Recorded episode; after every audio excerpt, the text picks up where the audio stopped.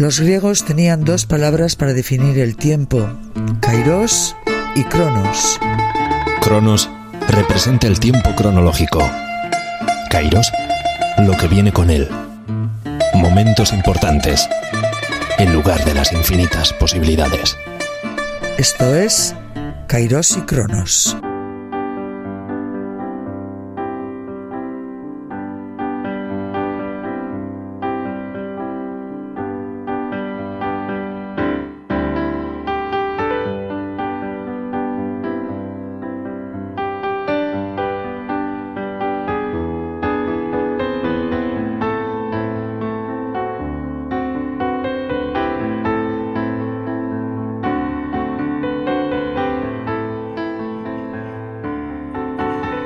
Hola, ¿qué tal? Oh, Happy Day es hoy nuestra sintonía. Qué buen día. Versión instrumental de este conocidísimo himno gospel. Con él recibimos a nuestro invitado.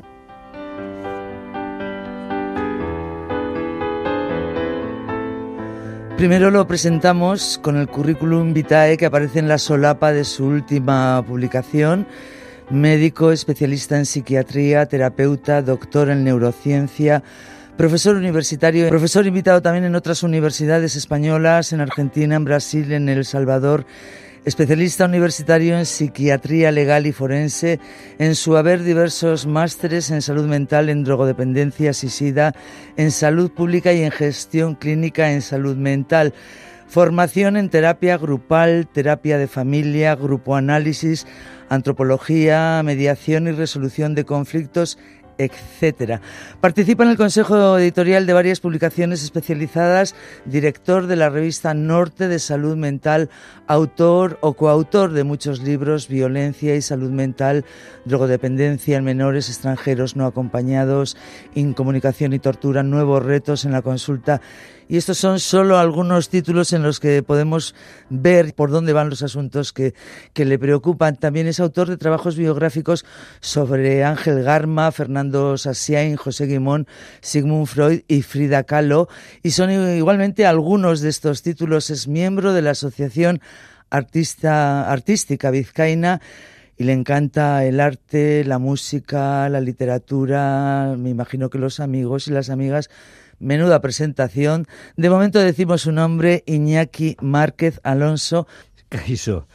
¿Qué tal estás? La verdad es que después de, toda esa retaila suena un poco apabullante.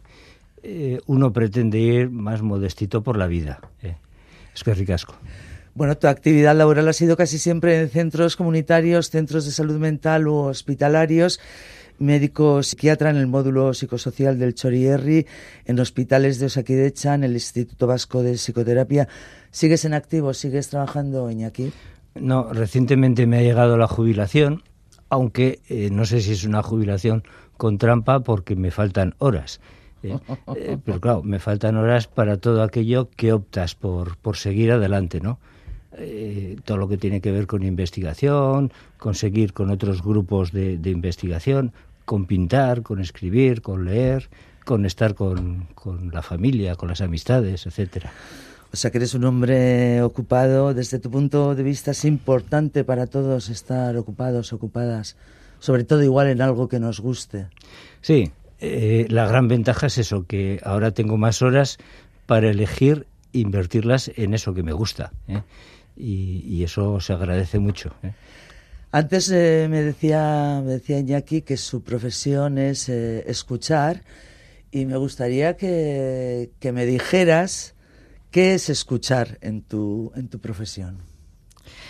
Bueno, fundamentalmente ha sido eh, tiene ha tenido un sesgo, ha sido el, el, el atender a las demandas de preocupaciones, de dolencias, de malestares muy diversos. ¿eh? No, no solo eso que la gente llama enfermedad mental o enfermedad psiquiátrica, sino que el, nivel de dolencias en nuestra vida cotidiana es, es inmenso, ¿no? Tiene eh, formas muy, muy dispares y de alguna forma pues nos toca también atender a eso. Ahora recientemente hemos podido comprobar cómo ha habido intentos de psiquiatrizar estos malestares relacionados con, con la pandemia y, dices, bueno, pues igual no hay que psiquiatrizarlo o psicologizarlo todo, ¿eh? aunque la gente realmente sí sufría. ¿eh? decir, la, la, totalidad de las personas hemos tenido nuestro puntillo depre, nuestro puntillo de ansiedad, de estrés, de muchas incertidumbres porque no sabíamos lo que podía aparecer en escena y eso genera malestares. Pero eso no es igual a estas personas tienen un trastorno depresivo o un trastorno de ansiedad o un trastorno comportamental XX. ¿eh? Y ha habido intentos de, de sí clasificarnos a importantes bolsas de población en eso, en que había trastorno eh, mental grave, trastorno psiquiátrico grave, y dices, pues, pues no tanto. ¿Y por qué, por qué crees que se da ese intento de, de psiquiatrizar en momentos pues, mm, pues que, que, nos ha tocado pasar a todos y que efectivamente pues a unos más, a unos menos, nos ha podido afectar en esto que llamamos salud mental? Bueno, a nivel social y a nivel también en el ámbito profesional, eh, estamos en cierto modo inducidos por, por el discurso previo. Y el discurso previo eh, bueno, interesado desde los, los, medios vinculados a la industria farmacéutica y también desde ese ámbito social que hemos ido que hemos ido bebiendo de todo eso. ¿eh? Em, es decir, ha habido intereses creados, por así decir, en que, en que la psiquiatría estaba muy presente en la vida cotidiana. ¿eh? Y dices, bueno, el malestar psíquico puede estar presente en demasiadas ocasiones. ¿eh? Pues porque tenemos unos ritmos trepidantes en nuestros estilos de vida, nos inducen a veces eh, a caminar en esos estilos de vida y eso pues puede generar dificultades y no pocas. ¿eh? Pero ya a poner etiquetas eh, diagnósticas yo me revelo, porque esas etiquetas diagnósticas el siguiente pasito es ponernos que es que con este fármaco puede ir de maravilla para este asunto. Y dices, bueno, algunas veces sí y la mayoría de las ocasiones no.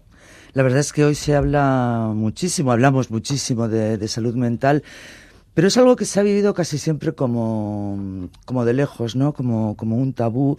Yo creo que los eh, psiquiatras eh, pues no eran los médicos que la gente mm, le apetecía ver y hoy en día también se aplaude, se aplaude a aquellos que hablan en alto, personas conocidas que, que dicen que han tenido eh, problemas de, de salud mental. ¿Qué ha pasado para que esto nos ocurra? Bueno, hemos vivido el COVID, nos estás hablando de que se, se ha intentado, bueno, pues llevarnos a, a, momentos en que, en, igual llevarnos demasiado de la mano, ¿no? Pero eh, ¿somos más conscientes de lo que significa la salud mental o, o simplemente nos, nos estamos dejando llevar todo el rato? Mm, hay demasiado peso mediático, de alguna forma.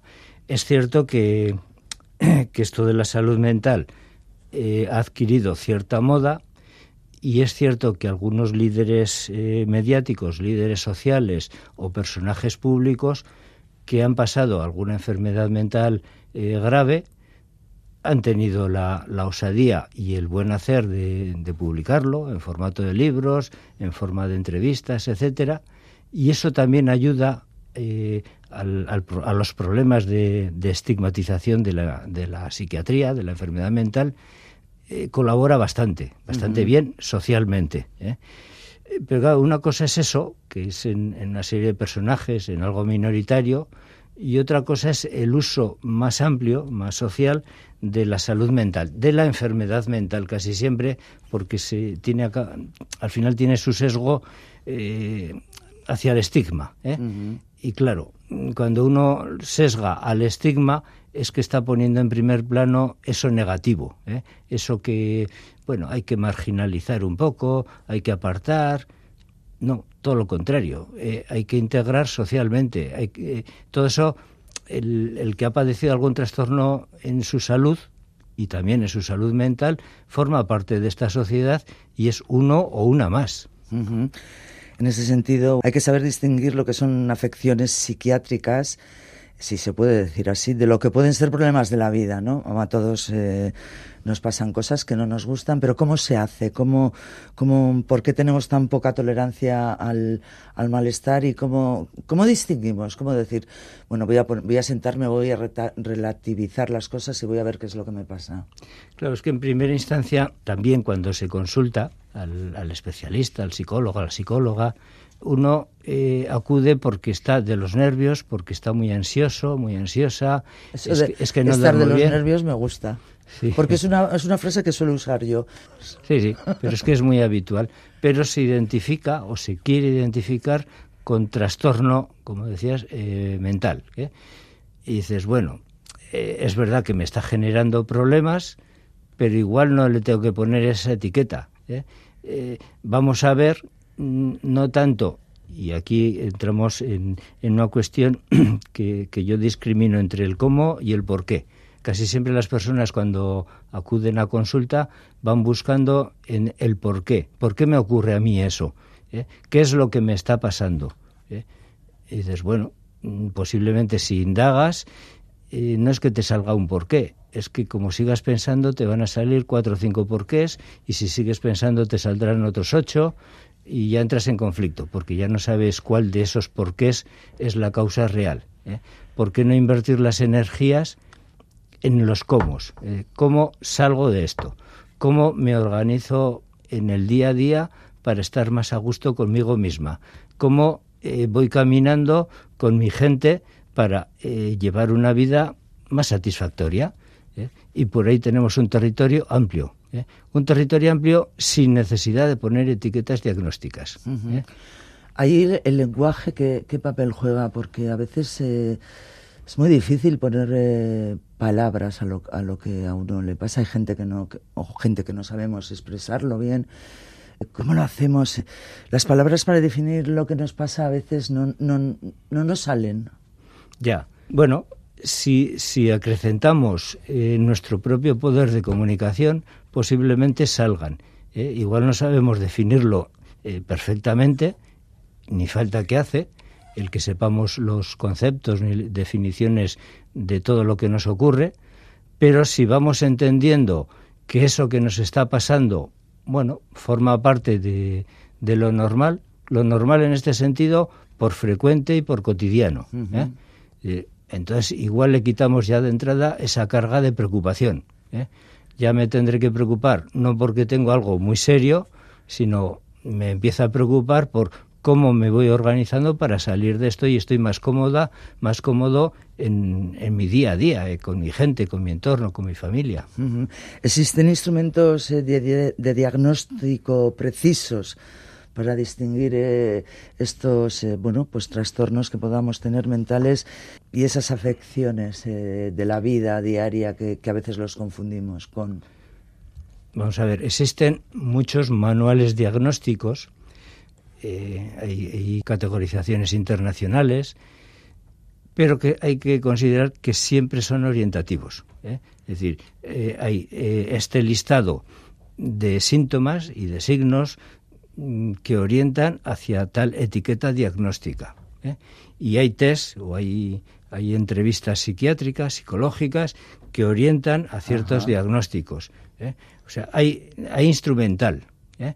pero ninguno de ellos, ningún test, ninguna entrevista psiquiátrica, ninguna categorización ya de algún manual diagnóstico es definitorio. O sea, porque yo tenga estos eh, cuatro síntomas y estos otros signos eh, que podrían orientar a un trastorno de ansiedad, no necesariamente tengo un trastorno de ansiedad.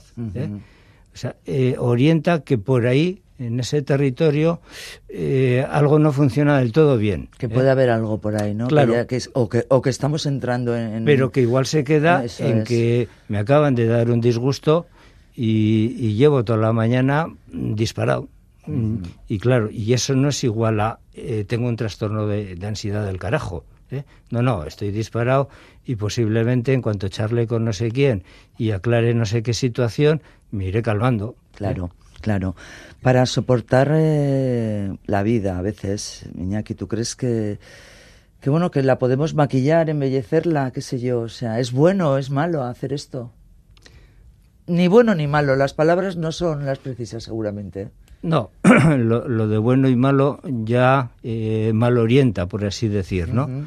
Eh, le, estamos poniendo esa etiqueta eh, alejada de la ética y más cerca de la moralina, ¿no? Pero sí, para nuestro lenguaje coloquial iría por ahí. Vamos a, eliminar etiquetas porque la etiqueta es un estorbo. Ah. en alguna ocasión muchas personas necesitan la etiqueta porque a partir del diagnóstico ya dicen, bueno, por fin me he enterado de qué es lo que yo tengo. ¿eh? Pero mm, no necesariamente. ¿eh? O sea, no, no, nos quedemos con la, con la etiqueta diagnóstica como el recurso definitorio. No, no, el recurso definitorio es lo que vaya haciendo cada persona, que a veces va a necesitar alguna ayuda eh, quizá por algún medicamento, por alguna terapia o por algún acompañamiento de su entorno familiar o de amistad. Ajá. Iñaki, vamos a hacer un, un alto porque te estoy haciendo hablar y a ti lo que te gusta, decías, era escuchar. Eh, Saben que a, mis, eh, a, los invitados les digo que, invitados, invitadas, que elijan tres canciones, pues bueno, que, que, les guste, que signifique algo. Las escuchamos y luego hablamos un poquito de ellas, qué es lo que, lo que significan para ellos. Vamos con esta canción de, de Mikel Laboa, que es la primera que nos ha, nos ha pedido Iñaki. Libratuko denakala inorez denala ez errez bakarka ezin da fusilak alakateak denakala inorez denala ez errez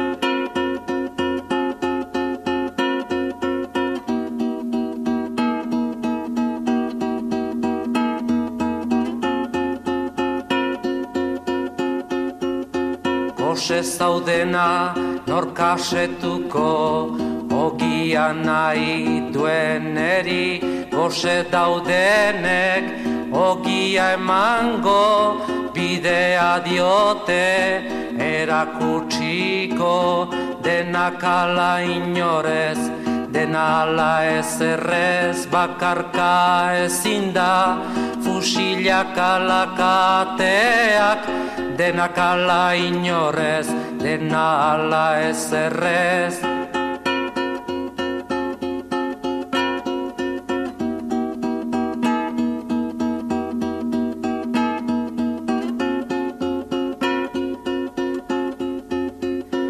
Galtzaile normendekatuko zaurituekin alkartuz gu zaurituek zapalduek zeu zaitugu mendekatuko.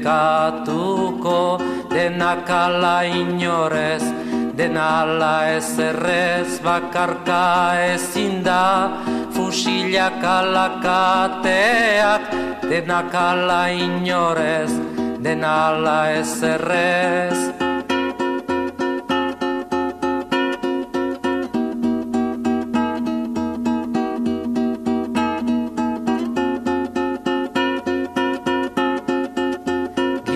galdua nork lagunduko miseria sufri ezin dutenak. Gaur ez bihar izan da dineguna galduekin gara alkartuko denak ala inorez. Denala ez errez bakarka ezin da fusilak alakateak denakala inorez denala inorez de Miquel Laboa es una canción de, de juventud podríamos decir de la veintena de Iñaki Márquez eh, ¿qué te dice esta canción? ¿a dónde te lleva? Sí, me, lleva casi casi a la adolescencia o a los primeros años de, yo veinteañero eh, en un grupito de, jóvenes que hacíamos teatro, que leíamos mucho a Bertolt Brecht y, que nos vimos sorprendidos cuando de pronto Miquel Laboa va y, y, edita este disco, ¿no? que nos pareció el no va más, ¿eh? Después de haber hecho algunas representaciones con poemas diversos de, de Bertolt Brecht. ¿no? Eso nos pareció, bueno, terrible, tremendo. ¿eh? Es verdad, era una época que seguías a, a Esdocamairu, a, a, Miquel, estas historias. Quiero mirar un poquito más atrás todavía. ¿Cómo eras de niño? ¿Cómo fue tu niñez con tu familia, tus amigos, tus, tus estudios? Bueno, para empezar, eres de Las Arenas. Sí, soy nacido en Las Arenas y, viví toda la infancia y juventud allí, en, Las Arenas. Bueno, y, bastante más que la juventud. ¿eh? Eh, hasta, hasta casi fecha reciente, o sea, cinco o seis décadas he estado viviendo allí. ¿eh? Y bueno, muy a gusto, en un Las Arenas en origen muy distinto al actual. El actual hay, hay muchos bloques de edificios, tiene su estatus social, pero hay mucho hormigón. Yo he conocido en las arenas de huertas, de campas, y, bueno, pues si no estabas en, en un arenal eh, a, a, 500 metros de la costa, estabas en el arenal de la propia playa, ¿no? O sea, nada que ver con la actualidad. Y una infancia muy, muy movida. ¿eh? En la calle, me imagino, todo el día, ¿no? Sí, yo era buen estudiante, pero, pero metía muchas horas de calle. ¿eh? Eh, algo muy diferente a lo que puede ocurrir hoy día mm, vía miedos sociales o vía miedos urbanos. Yo he pasado veranos donde mi actividad, o sea, yo salía de casa a las 10, volvía a comer y al de una hora ya estaba en la calle en lo que era el embarcadero. El embarcadero significaba horas y horas tomando el sol o remando, bogando o nadando. Y, era, hoy día es inimaginable que, que, uno pueda estar nadando ocho o diez horas. ¿Y tu familia? Eh, ¿Tienes hermanos? ¿Cómo era? Tenía un hermano, era mi segundo aita, eh, digo porque tenía eh, 11 años mayor que yo y ha fallecido ahora en, en 2020. eh, tenía su, su problema y, y, supongo que el COVID pues jugó su papel también, ¿no? Vaya. Bueno, eh, en cualquier caso era mi hermano mayor mm, y mi protector, ¿eh? de alguna forma, y eso pesaba, quiere decir que había una cuadrilla de los mayores y, yo era el hermano de uno de esa cuadrilla de los mayores, ¿eh? Que iban a lo suyo. Eh, los pequeños éramos insultados o maltratados de esa manera, ¿eh? pero bendito maltrato, bueno, pues porque tus líderes estaban en eso, en ese otro grupo que te llevaban 10, 11, 12 años. ¿no? Y a los que seguramente admirabas. Sin duda, sin duda. ¿En tu familia había alguien dedicado a la psiquiatría, a ser médico psiquiatra? No, no, no, nunca lo hubo. Y yo llegué a, a, la psiquiatría, yo creo que muy, muy de rebote. Eh, yo empecé estudios de, de geología en ciencias, o sea, nada que ver con, con la psiquiatría. Me encantaba eh, de crío los minerales, los fósiles. O sea, yo podía haber acabado perfectamente como geólogo, como antropólogo, porque ese mundillo me gustaba, mucho. ¿eh?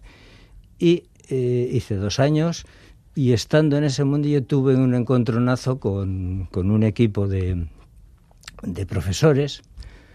Eh, así brevemente, yo había eliminado con una asignatura concreta eh, dos parciales con un 9 y un 10 prácticas un 10 y llego al, al tercer parcial y recibo un 0. Recibo un 0 y, y, consecuencia de ese 0 eh, suspendido en junio. ¿Y por qué? A ver, explícame ese cacho suspenso. Porque suena, no, suena porque raro. No es normal. Eh, uno de los que vigilaban hurga en los papeles que yo tenía en el suelo y una pregunta eh, sintonizaba, o era similar, a otra que había caído en el examen. Ah. Entonces recibo la acusación de que cabía la, posi la, posible intencionalidad de copiar. Esa frase no se me olvidará en mi vida. Y entonces eso para ese departamento era un departamento que había sido trasladado de la Universidad de, de Granada a la entonces Universidad de Bilbao. Recibo un cero. Claro, yo con ese equipo tenía que continuar la carrera de geología. ¿eh? Yeah. Y entonces a raíz de ese verano sacó la asignatura en septiembre, pero decido que yo allí no quiero saber nada. Y me paso a medicina ya con la intención de, yo decía, de hacer psiquiatría infantil. En toda mi vida habré atendido a un niño o dos. o sea, no he atendido niños, ¿eh? sino que desde un principio me planteé eh, eso que yo entendía como psiquiatría social, sobre todo en, los orígenes, muy, muy implicado en adicciones, luego ha sido en, otros campos muy, muy variopintos, ¿eh? en torno a, violencias, a migrantes, eh, a otra gente vulnerable. Pero es cierto que ya desde el origen iba orientado a ese mundillo de lo psiquiátrico. O sea que es un cero en, una asignatura de, geología. Ese es el determinante. Pero, estoy segura que tú no querías copiar, que no, vamos, no, no, ni me lo había planteado. lo habías planteado y de hecho si tenías dieces quería, querría decir que aquello era que eras una persona que, interesada y que estudiabas, ¿no? Sí, recuerdo que era una pregunta en torno al petróleo. Ya. Solo tengo, no recuerdo los matices, pero fue tal la sorpresa y que te dijeran que, que para ellos eso era determinante, eh, la intencionalidad, la posible intencionalidad de copiar. Ya, la posible intencionalidad de copiar. Y dices, bueno, yo con esta gente, ¿dónde voy? O sea, tenía todavía por delante otros tres años. Vamos, que decides apartarte de gente que te, que te acusa. De, ¿Te has arrepentido alguna vez de, no, de haber hecho el cambio? El cambio. No, eh, me ha seguido gustando, me sigue gustando la antropología, pero como otros muchos campos, eh, la historia me, encanta, el periodismo me encanta, siempre me ha encantado. Y alguna vez he dudado de meterme en, hacer esas otras carreras, ¿eh? de periodismo, de historias, pero al final siempre valoraba que, bueno, igual no me merecía la pena estudiar cuatro o cinco años de esa otra carrera eh, cuando lo podía invertir en, lecturas muy variopintas de esos temas. Que y aprender, efectivamente. Que es lo que he ido haciendo. Eh, ¿Cómo es la, primera vez ante, ante un psiquiatra? Te lo pregunto como si yo, por ejemplo, fuera tu, tu paciente y luego te lo voy a preguntar como si, desde tu punto de vista. ¿Cómo fue tu primera vez eh, con un paciente? Pues no, no estoy seguro, no, no lo recuerdo bien. sí tengo algunas ideas eh, de cómo la gente acudía mm, con ciertos temores. el, psiquiatra era un personaje eh, supuestamente muy distante, ¿eh? donde iba a depositar algunos asuntos severos. Pues en, origen, en aquellos orígenes de los años 80, muy vinculado, estando en adicciones, en, en cuestiones de alcohol, de heroína, etcétera, ¿no? También de otros problemas psicóticos o depresivos, ¿eh? Pero la, heroína y el alcohol en aquellos tiempos pesó mucho. ¿Mm? Eh, mi esfuerzo casi siempre ha sido de romper esas, tratar de romper esas barreras, que hubiera eh, cierta cercanía, ¿eh? de modo que, la comunicación fuera muy fluida. eso me ha llevado casi hasta el presente, en, en, algunas personas decir, ah, pues usted me cae de maravilla o tú me caes de maravilla, pero todavía recuerdo el, primer día, la primera sesión que me pareciste muy borde, o sea, eso de muy borde lo he oído en, bastantes ocasiones, pero claro, luego ya ha sido muy diferente. ¿eh? Bueno, pues seguro que, en, algunas, en algunos comentarios míos, en algunas actitudes, eh, para el de enfrente o la de enfrente le he parecido borde. ¿eh? Es que igual hay que, ponerse un, un poco de barrera, ¿no? Porque cómo se conecta emocionalmente, si es que se conecta con un paciente, y a la vez cómo, cómo, cómo tienes ese ese punto de objetividad para pues bueno para, para evaluar un, problema claro porque yo no no he de ser su amigo ¿eh? efectivamente o sea, eh, pretendo ser su, su terapeuta y como tal alguien muy cercano y como tal alguien capaz de, de tener un nivel de, de confidencialidad muy grande. ¿eh? Tenemos que tener un nivel de empatía importante desde ambas partes y entonces, claro, esa persona viene a depositarme un buen trozo de su vida. ¿eh? Y eso no es fácil. ¿eh? Hay que abrirle puertas para que sea capaz. O sea, que, el, que la motivación no solo sea su enorme dolor en ese momento, sino decir, bueno, y confío en esta persona que tengo enfrente para ver si me puede ayudar porque si no me puede ayudar, yo no voy para, o sea, para que me dé una medicación y punto, para eso no voy. ¿eh? No, no me aporta nada nuevo, para eso ya me lo pueden dar en otro lado y ya me darán tal antidepresivo, tal otra medicación, ya me parchearán. ¿eh? No, no, se trata de, de, facilitar la apertura de puertas. ¿eh? Y, de ahí que, que, yo haga un hincapié importante en, en la comunicación, ¿eh? en la interactuación. Ajá. ¿Mm? A veces eh, la sociedad se tiende a pensar igual que, eh, que las enfermedades mentales pueden ser culpa del que las sufre. Y aquí estoy ya hablando de culpa, que seguramente volvemos a eso del lenguaje y de, la moralina.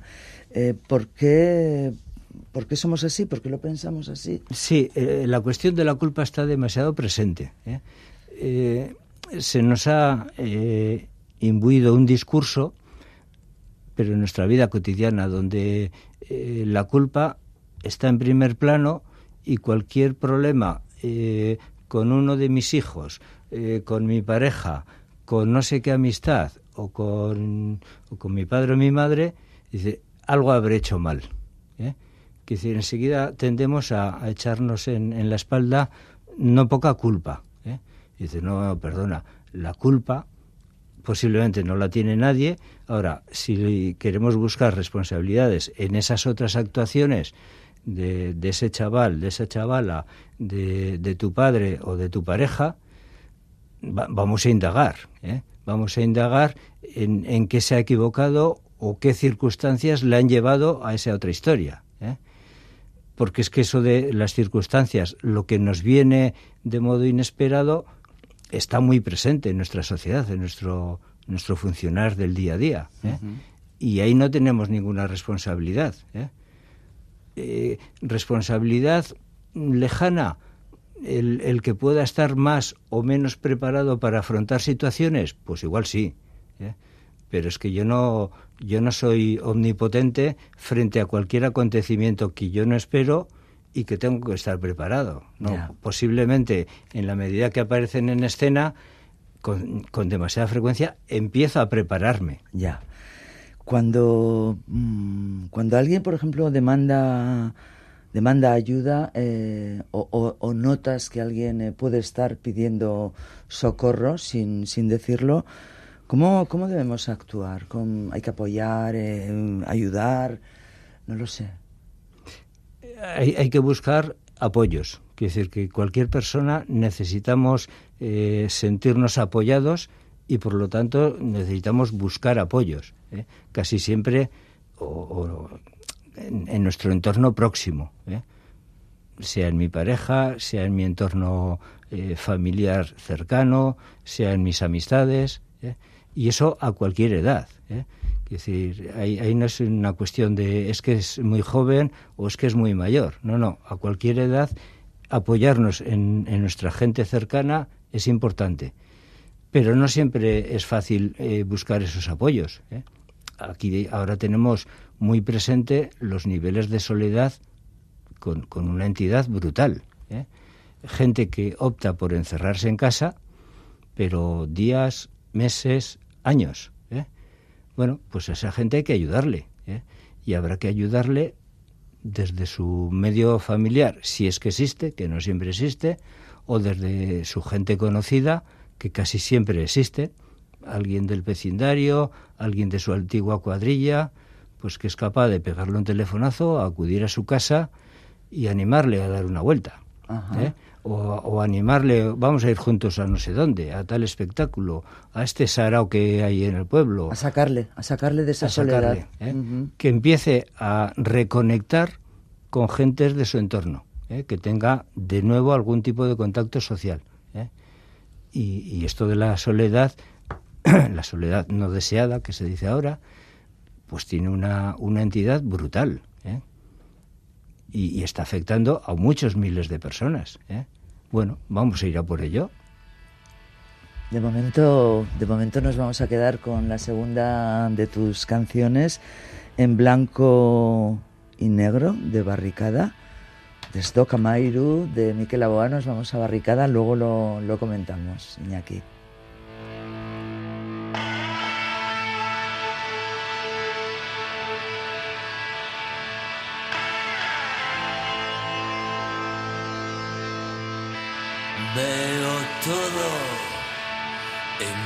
Blanco y negro.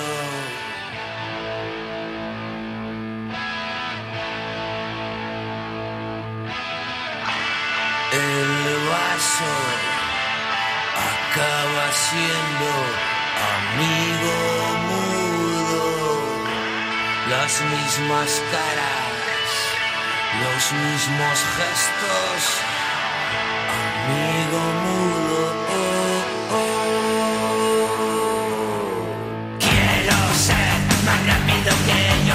Ellos, echar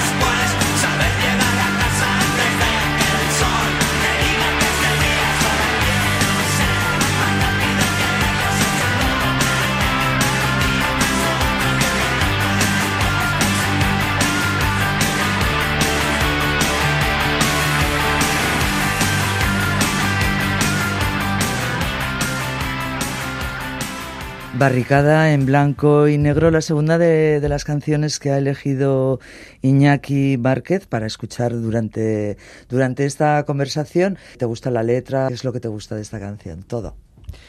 Sí, no sé si todo o añoranzas de, de tiempos pasados, ¿no? De los años 80, los años 90. Bueno, pues años muy movidos en, en este país y muy movidos en la movida. Quiere decir que, eh, eso afectaba en, en, todos los ámbitos. Quiere decir, estaba ocurriendo en, en, la calle, época muy movida, estaba ocurriendo a nivel de, de, empresas, de fábricas, o también en esta profesión fue una época muy movida. ¿eh? Épocas de, pues de la llamada reforma psiquiátrica, que ahora suena como un poco marciano, ¿no? El que en los años 80, desde, los, desde la psiquiatría, pues plantearan el, el que había que reformar aquello, ¿eh? que estábamos con unos cánones de, de los años 60 y, y, los años 50. ¿Cómo, ¿eh? ¿Cómo, era esa psiquiatría de, de, esos años, de los años 50 a los años 60? Era una, lo, que, lo que siempre se ha vulgarizado con el término de manicomial, ¿eh? pero lo, lo, manicomial en realidad ha llegado hasta los años eh, 80. Que, que, se dice que se dice así rápido, ¿no? no era, era, eso de cuando era, hablábamos, ese está loco y por lo tanto va está loca. a un lugar de encierro. al psiquiátrico, al manicomio. ¿eh? El, el manicomio podría tener eh, nombres de instituto neuropsiquiátrico, hospital psiquiátrico. Era un funcionamiento manicomial, lugar de encierro, de, de apartamiento y de incomunicación. ¿eh? Y, y en no pocas ocasiones de, de mucho maltrato. ¿eh? Pero en lo fundamental era aislamiento definitivo. ¿eh? En, en una de las Que es lo que estábamos diciendo que es justo lo que no, lo que no hay que hacer. Claro. Una de las biografías que hicimos, de, digo hicimos porque la hice con un íntimo amigo y, y psicólogo, Xavier Urmeneta, eh, hicimos una biografía hace poco, hace nueve años, de Fernando Sassien, quien fuera alcalde republicano de, De San Sebastián. de San. Sebastián. Por cierto, un personaje muy poco conocido hasta ese momento y yo creo que ahora, aún hoy en día también poco conocido, habría que divulgar más sobre él, pero que eh, le habíamos conocido fundamentalmente por la parte psiquiátrica. ¿eh? Él en el exilio eh, tuvo que marchar, estuvo en, en Iparralde, en San Juan de Luz, y eh, lo pasó francamente mal, mm, con sus momentos de, trastornos serios a nivel psiquiátrico, a nivel depresivo. Vino aquí engañado. eh, bueno, eh, la, la justicia militar le quería detener y quizá fusilar, por, estoy hablando de los años 50, y entonces, mm, bueno, montaron un subterfugio para del psiquiátrico de Mondragón enviarle al, al psiquiátrico de Palencia, alejarle del País Vasco, de alguna forma para que en lo inmediato no le cazaran, ¿no? Y allí vivió en el absoluto aislamiento, olvido total, ¿eh? de, Y ese- de un personaje que había sido tan importante, nacido en, en Donosti, Euskeldun, eh, de familia de, de Tolosa, eh, su, su hermano también había sido alcalde de Tolosa, quiere decir que, que Llegó a ser muy eh, implicado. eh, alcalde de San Sebastián, decías, era, él era comunista. era de un partido republicano. Eh, con sus conexiones a nivel estatal. Él participó en, en el estatuto, en la elaboración del estatuto de, de aquí, de, de este país, en el año 31. O sea, tuvo un, Un peso. un- un peso político Importante. y social muy, muy importante. ¿eh? Y acabó en un, en un y acabó en un psiquiátrico, en un manicomio olvidado, al cual solo iban en ocasiones dos hermanas, pero de ciento en viento. ¿eh? No tuvo ningún tipo de, de vinculación, a pesar de haber sido un, un personaje de peso social enorme en su ciudad. Así era la psiquiatría. Entonces viene esa reforma psiquiátrica en esos años, decías, en, en los años 80, en, la que to- en, lo- en los años en los que todo parece que, que bullía. Y, y llega un poco, en esa reforma, eh, llega un poco esa psiquiatría social a la que hacías referencia antes. Ujú. empieza a tener más peso la psiquiatría social y empieza a tener un peso específico muy importante la atención comunitaria, empiezan a aflorar los centros de salud mental. ¿eh? O en un principio en el País Vasco, sobre todo en Guipúzcoa y en, y en Vizcaya, los módulos psicosociales. Empiezan a, a crearse, todavía no ha nacido Osakidecha, o sea, Osakidecha todavía nacerá en el año 87, tardará un poco, pero este tipo de atención comunitaria ya empezaba a aflorar y ya se plantean eh, el cierre de los manicomios, que en el País Vasco, curiosamente, la inmensa mayoría no se cerraron, quiero decir, en Vizcaya todavía sigue habiendo tres hospitales psiquiátricos ya y desde hace tiempo sin funcionamiento manicomial, ¿eh? con, con más conexión con el exterior, con eh, tejiendo red con los centros de salud mental. En origen dependían de las diputaciones, tanto en, en Álava como en, bueno, en los tres territorios, y eh, todos ellos se fueron integrando en, en la red de. ¿eh? Ujú. en un principio diferenciándose lo que era la red extrahospitalaria, ahí era lo, lo, lo psiquiátrico comunitario, los centros de salud mental, los hospitales de día, talleres ocupacionales. ¿eh? Todo esto era inimaginable en, en esos tiempos de los años 70, 60 ¿eh? y anteriores, ¿eh? donde lo exclusivo era el encierro manicomial, punto. Y ahí podía, en el encierro manicomial, no llevaban solo al, al personal con enfermedad mental, enfermedad mental grave, sino lo que se consideraba un despojo social. Y un despojo social podía ser este, esta persona especialmente rebelde, esta persona que es homosexual, esta persona que es prostituta, esta persona, o sea, aquello que el franquismo tipificaba como delito social, Acababa en, en- el en- manicomio. en- su esquema ideológico podía acabar depositado en el manicomio. Y si, y si caía en el manicomio, eh, a saber si no salía. Yo he conocido eh, personas en, en Bermeo que, que llevaban 30, 40 años allí, depositadas. Y estoy hablando de los años 90. O sea, yo he conocido en los años 90 en el Hospital Psiquiátrico de Bermeo personas que llevaban cuatro, tres y cuatro décadas. Eso es una auténtica barbaridad. Es una barbaridad. Bueno, eh, la verdad es que se ponen un poco los pelos de punta a oír de hace nada prácticamente. que- De- que- de que- ayer mismo. De ayer. Vamos a hablar un poco más de centrarnos en tu ámbito social, eh, en drogodependencia, en atención en prisiones, eh, en la fibromialgia, creo que, que has trabajado hace poco con ello también, y también pues eh, en afectados por la violencia en el País Vasco. ¿Cómo se abordan estos asuntos? ¿Qué es lo que hacéis? ¿Cómo lo trabajáis? Eh, céntrate en uno, por ejemplo, en un ejemplo, el que te parezca. Mm, Bueno, con diagnósticos de fibromialgia y de síndrome de fatiga crónica hay un volumen muy elevado de, personas, sobre todo mujeres en la inmensa mayoría, que eh, durante un tiempo deambulan a través de su médico de cabecera, a través de algún neurólogo, eh, que le van peloteando de unos a otros especialistas, hasta que al final un reumatólogo le hace el diagnóstico definitivo de eso, de que tiene una fibromialgia o un síndrome de fatiga crónica. Y ya parece que resucitan, ya por lo menos eh, Tienen una identidad.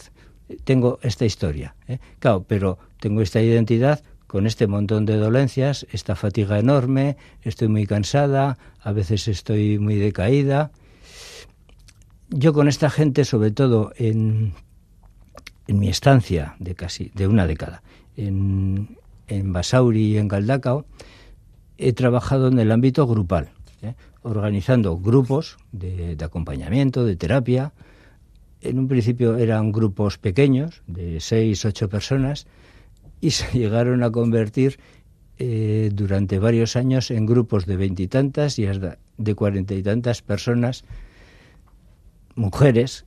Podía haber 40 mujeres y dos hombres, que normalmente los dos hombres aguantaban eh, dos sesiones, se sentían apabullados por, por la presencia de mujeres y dejaban de Y acudir. abandonaban. Pero ese estar, ese arroparse eh, de modo colectivo, 20 mujeres, eh, les daba vida. Y, y yo puedo decir que algunas personas llegaron a considerarse lo que decían como curadas. ¿Eh? Yo no creo en ese término de la curación, ¿eh? pero en cualquier caso se sentían bien, ¿eh? se sentían mejor por el hecho de participar en esas dinámicas y en ese acompañamiento con las de al lado que eran otras amigas, otras conocidas del mismo pueblo. ¿eh? De pronto no eran unas raras que tengo, me ha tocado la mala potra de tener esta enfermedad, sino que hay otras muchas que lo tienen, pero no solo lo tienen, sino que, mira, por el hecho de estar juntas, de identificarnos en algunas dolencias o en, algunas iniciativas del qué hacer, porque luego algunas, en grupitos de cinco de ocho, pues decidían irse un fin de semana al balneario de Orduña, o decidían ir un día de Basauri de excursión a Plencia. O sea, tomaban que, iniciativas. Supongo que eso a ti te parecía fenomenal. Él no va más. El no va más, efectivamente. Porque siempre eran iniciativas suyas y venían muy estimuladas. Ajá. ¿Por qué decías lo de que no crees en, eh, en el término o, o en el concepto de la curación? Porque eso de, eh, de que la medicina cura, que es lo que siempre se ha dicho, o, o los medicamentos curan, no, no, los, medicamentos o la medicina o el médico o la psicóloga eh, son buenos recursos para que tú mejores. Mm, Eso de la curación, pues no sé, porque como casi todo es crónico, es decir, eh, esto deja, desaparece en mi vida como malestar, pero casi seguro que va a aparecer el mes que viene o dentro de cinco años. Desde ahí digo lo de lo de cronificación. ¿eh? O tenemos riesgo que vuelva a haber eh, otras condiciones, otras nuevas situaciones que me hagan de nuevo aparecer ese otro malestar o otro similar. O que ¿eh? aparezca otro también. Claro. Entonces, mm, que, en, en- que en, en la medicina, es que en, en el ámbito médico se ha de- utilizado con demasiada frecuencia eso de curamos los médicos. No, no, no. Los médicos acompañamos, apoyamos, ayudamos, somos elementos intermediarios de muchas películas, de muchas historias, a veces vía recetas también, ¿eh? y otras vía otras iniciativas mm, favoreciendo qué hacer o qué no hacer en, en nuestra vida cotidiana. Iñaki, vamos a hablar de, de- de tus libros, de tus biografías. Nos has eh, hablado de, de del que fuera alcalde de, de San Sebastián, que acabó en, en un manicomio en Palencia. Unas pinceladas. Ángel Garma, un bilbaíno de, que nació en 1904 y que bueno acabó en, Arjan- en Argentina siendo casi casi eh, el padre del psicoanálisis, ¿no? Sería uno de los padres del psicoanálisis argentino y o latinoamericano. a ver, suena un poco a bilbainada eh, el título de un libro que hice en 2005 que se titulaba así, Ángel Garma, fundador del psicoanálisis argentino. Claro, eh, la bilbainada es que como un señor de Bilbao, nacido en la Gran Vía de Bilbao y vivió allí en su infancia, podía ser el autor o el culpable o el responsable de toda esa pléyade de argentinos y latinoamericanos que circulan en el ámbito español, en el ámbito vasco, en el ámbito europeo, Mm, pues porque en el año 42 él y otros otros poquitos, otros cinco, montaron la Asociación Psicoanalítica Argentina y de allí nació todo todo ese caudal de personal psicoanalista, ¿no? Uno de Bilbao. Eh, Uno de Bilbao, pero es que además hablamos de Argentina, que es un país en el que todos tenemos como la idea de que todo el mundo va a psicoanalizarse, ¿no? Entonces, uno de Bilbao estuvo allí eh, montando todo aquello, podríamos decir. Sí, Eh, luego estaría, por ejemplo, la biografía dedicada a José Guimón, un psiquiatra bilbaíno. Pero me, me voy a quedar con este libro, con eh, un libro dedicado a Frida Kahlo. Pintó con dolor y mucho amor, me lo ha traído eh, Iñaki Márquez, yo te doy las gracias y háblame un poquito de, de esta mujer. a mí me parecía importante rescatar su biografía, sobre todo eh, la pretensión iba en línea de, de recoger los aspectos afectivos, hablar de sus muchos amores, con hombres, con mujeres, eh, de descalificar también algunos de esos pretendidos amores, como que se hubiera muy volcado en, en, por ejemplo, en Trotsky, ¿no? Ya. se ha mitificado mucho ese amor con, con este personaje histórico. ¿eh? Bueno, tuvo su importancia, duró un ratito. ¿eh? Ella tuvo sus otros amores, además de, de con Diego Rivera, que duraron varios meses, que duraron varios años o que duró que duraron más de una década. ¿eh? La verdad es que tiene una pinta estupenda, te prometo que me lo voy a leer, porque además me gusta mucho el personaje de, Frida Kahlo. Escuchamos otra de las canciones que, has elegido, este tren de, de Rosalén. que nos despojamos de nuestras mochilas.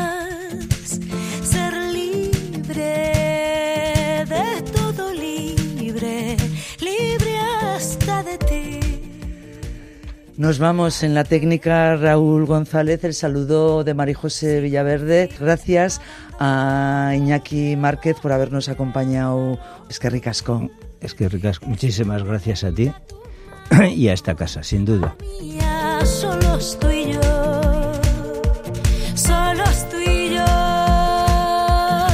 Te llevaría a una playa lejana, observar un horizonte turquesa infinito, a que enterraras tus pies en la arena, que nos despeinaran los vientos más fríos. Te subiría hasta un acantilado, al más alto, cortante y valiente para gritar fuerte. Qué hermosa puedo ver a que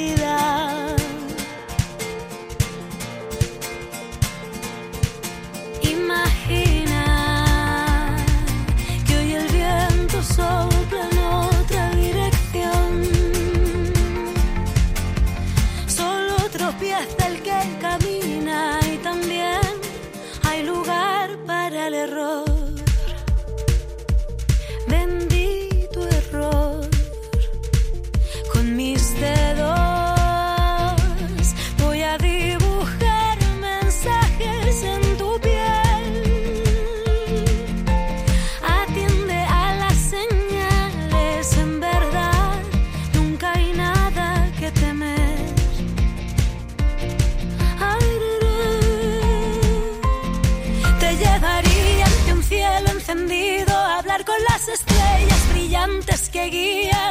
Sumergirnos ligeros del mundo en lo más profundo donde no nos vean.